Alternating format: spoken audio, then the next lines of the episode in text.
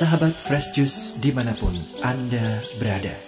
Sesaat lagi kita akan mendengarkan Fresh Juice Senin 13 Desember 2021 bersama Christian Aditya dari Tangerang. Selamat mendengarkan.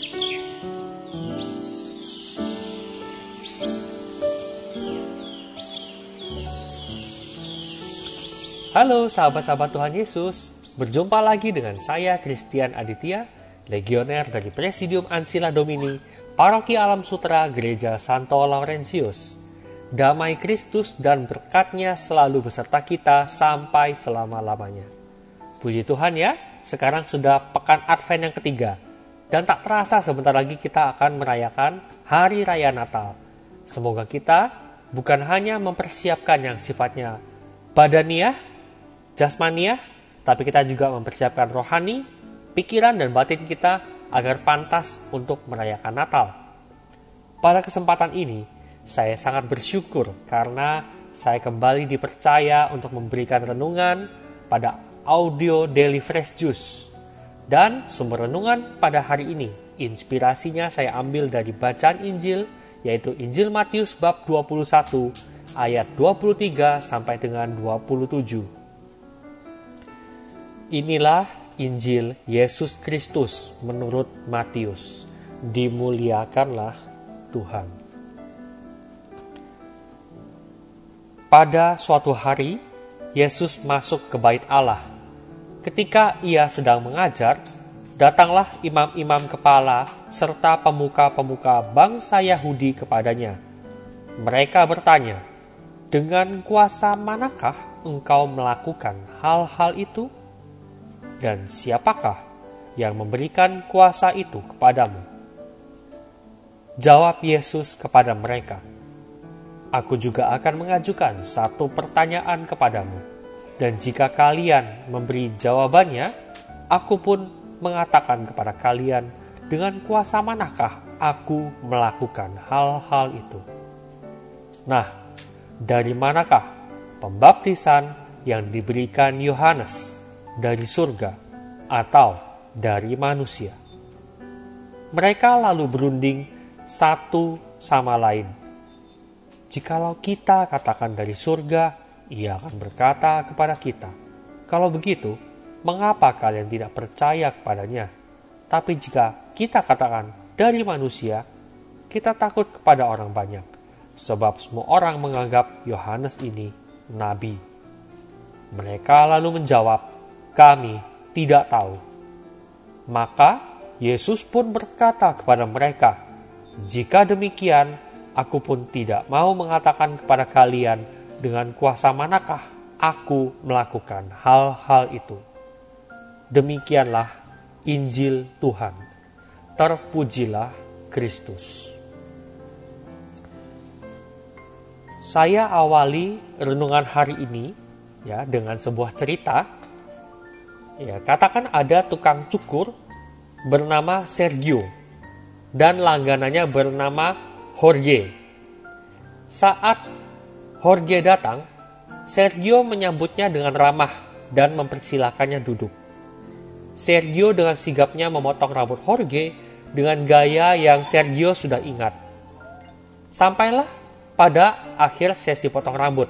Ya, biasa kan udah potong rambut dibersih-bersihkan gitu kan ya. Nah, lalu pas Jorge mau bayar, Sergio berkata demikian. Jorge, tahukah kamu kalau aku tuh tidak percaya Tuhan itu ada? Jorge terkejut dan dia bertanya, mengapa demikian? Lalu Sergio berkata lagi, kau lihat dunia ini, banyak sekali penderitaan, bencana, dan peperangan. Coba kau pikir, di mana Tuhan kalau gitu? Itu artinya Tuhan tidak ada. Lalu Jorge pun tersentak. Kemudian dia bilang, apa pun katamu Sergio, aku percaya kalau Tuhan itu ada. Dan Sergio berkata, ya whatever Jorge, have a nice day. Nah, lalu Jorge membayar dan keluar dari barbershop itu. Saat keluar, dia melihat ada pengamen yang rambutnya gondrong ya, tidak terurus sampai gimbal-gimbal gitu nempel. Maka Jorge memutuskan untuk membawa pengamen itu masuk ke barbershop di mana tempat Sergio kerja. Nah, ketika masuk dia bilang, Sergio, aku juga tidak percaya tukang cukur itu ada. Lalu Sergio membalasnya, apa yang kau katakan? Baru saja aku potong rambutmu dengan gaya yang kau suka. Dan Jorge pun membalas, buktinya kalau ada tukang cukur, kenapa masih ada orang seperti dia? Rambutnya tidak terurus. Dan Sergio pun membalas, kalau itu yang kau katakan, itu bukan karena tukang cukur tidak ada, melainkan mungkin dia tidak melihat adanya tanda sign dari tokoku ini dan dia juga tidak datang kepadaku. Jadi bagaimana aku tahu kalau rambutnya tidak terurus? Dan Jorge menutup pembicaraan itu dengan berkata, Tepat katamu Sergio. Maka perkara masalah pada dunia ini juga sama karena kita manusia tidak mampu melihat tanda-tanda yang Tuhan sudah berikan, dan kita sebagai manusia juga tidak mau datang kepada Tuhan. Oke, itu uh, hanyalah sedikit cerita yang mengawali renungan hari ini. Kalau kita baca pada bacaan Injil hari ini, kita melihat bahwa kaum Farisi mempertanyakan asal kuasa Yesus tapi Yesus pun juga cerdas. Yesus tidak langsung menjawab dan malah Tuhan Yesus mengajak kaum Farisi itu untuk merenungkan dengan pertanyaan lainnya yang lebih jitu, lebih mematikan. Sebenarnya, pertanyaan orang-orang Farisi itu tidak perlu dijawab. Sebab dalam hati mereka, mereka sengaja menjebak Yesus untuk bisa membawa Tuhan Yesus pada pengadilan yang mereka mau. Apalagi kalau kita baca dari ayat-ayat sebelumnya, ini sudah dikisahkan bahwa Yesus sudah berada di dalam kota Yerusalem. Nah, yang artinya apa? Para kaum Farisi ingin menelanjangi Yesus di hadapan para penguasa Romawi agar mereka mudah untuk menghukum Tuhan Yesus. Berulang kali kita baca dalam Alkitab ya, bahwa tidak ada habisnya kaum Farisi mencobai Tuhan. Tidak ada habisnya menjebak sampai meminta tanda. Sebenarnya mudah saja bagi Tuhan Yesus untuk mengungkapkan jati dirinya, memberikan tanda, apa pun yang kaum Farisi mau itu mudah saja buat Tuhan Yesus untuk memberikan. Tapi Tuhan Yesus juga tahu bahwa kaum Farisi itu minta tanda bukan untuk percaya kepada Tuhan Yesus, melainkan untuk menguji dan bahkan menjebak Tuhan Yesus. Related dengan kehidupan kita sekarang ini, apakah kita masih minta tanda atau mukjizat pada Tuhan untuk menguji keberadaan Tuhan, eksistensi Tuhan, atau sebagai bentuk keberserahan kita kepada Tuhan Yesus. Ambil contoh, ada dua orang. Ya, katakan dua orang ini sama-sama pengusaha. Sama-sama berdoa mengajukan permohonan minta pada Tuhan Yesus agar bisnisnya berhasil. Yang satu, sikap batinnya karena dia percaya pada penyelenggaraan Tuhan Yesus. Dan doa permohonannya itu adalah bentuk kepercayaan bahwa Tuhan itu maha pengasih. Dia percaya apa yang diminta akan dikabulkan. Di hatinya sudah ada Yesus. Yang satu lagi, sikap batinnya cuma ingin ngetes, cek ombak. Kalau anak muda sekarang kita cek ombak. Mau tahu aja Tuhan tuh ada nggak sih? Coba deh di doa begitu. Ya, dia tes, Tuhan ada nggak? Ya kalau bisnisnya berhasil, analogi dia, korelasinya, oh Tuhan tuh ada. Tuhan tuh mendengar, gitu kan?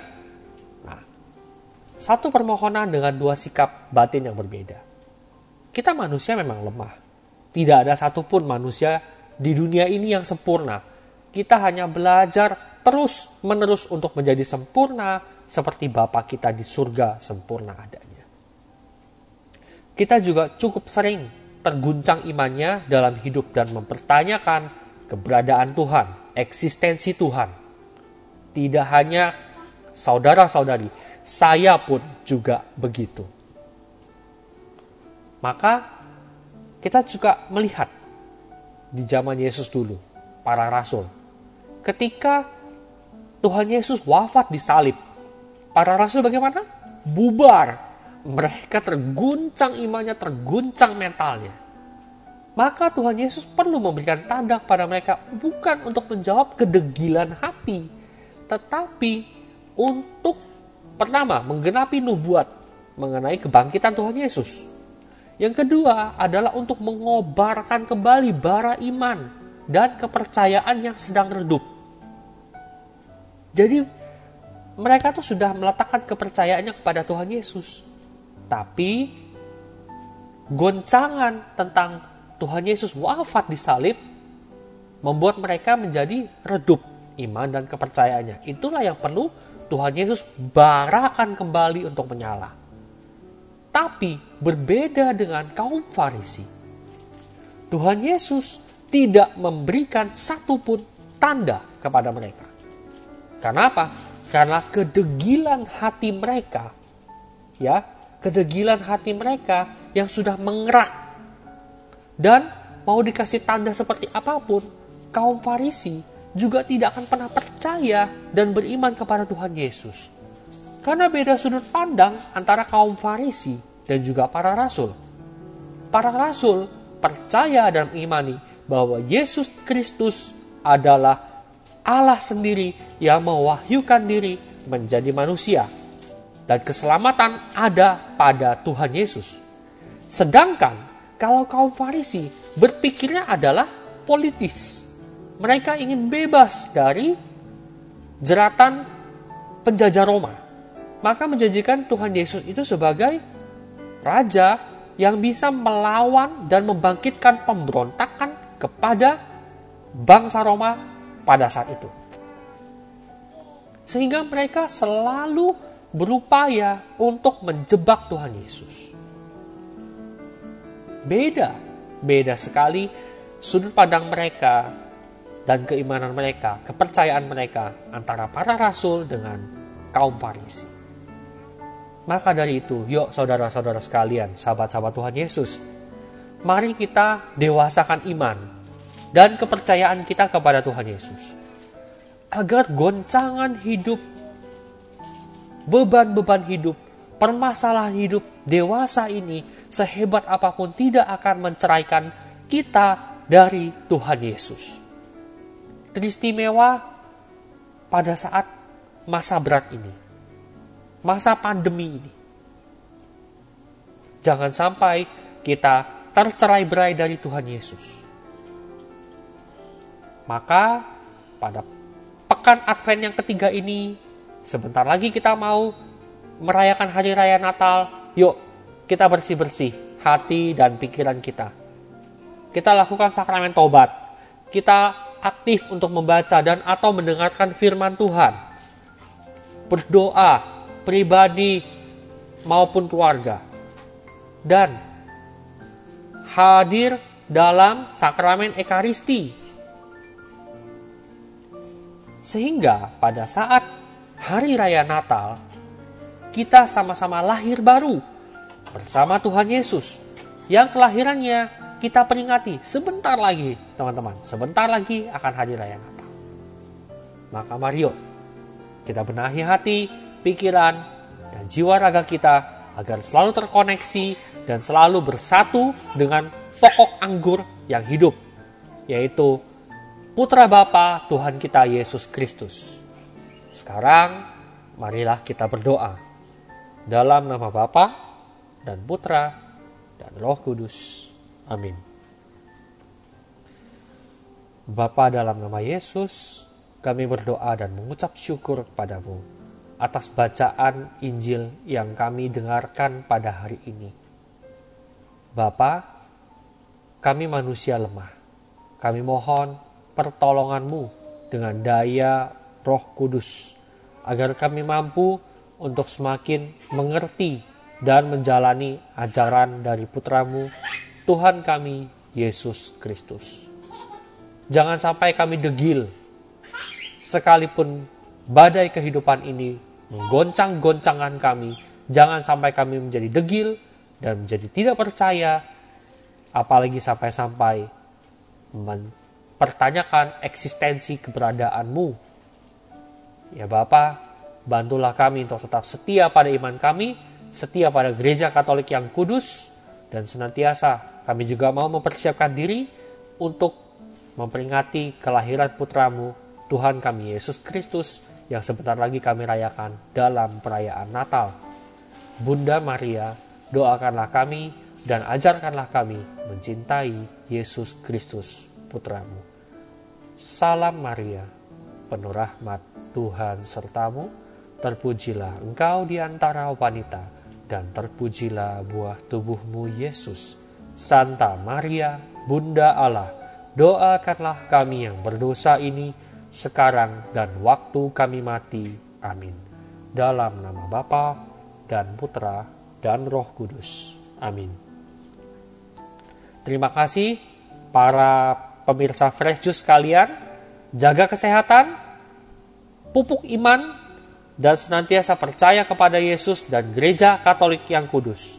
Salam Fresh Juice! Sahabat Fresh Juice, kita baru saja mendengarkan Fresh Juice Senin 13 Desember 2021. Terima kasih kepada Christian Aditya untuk renungannya pada hari ini. Sampai berjumpa kembali dalam Fresh Juice edisi selanjutnya. Jaga kesehatan dan salam Fresh Juice.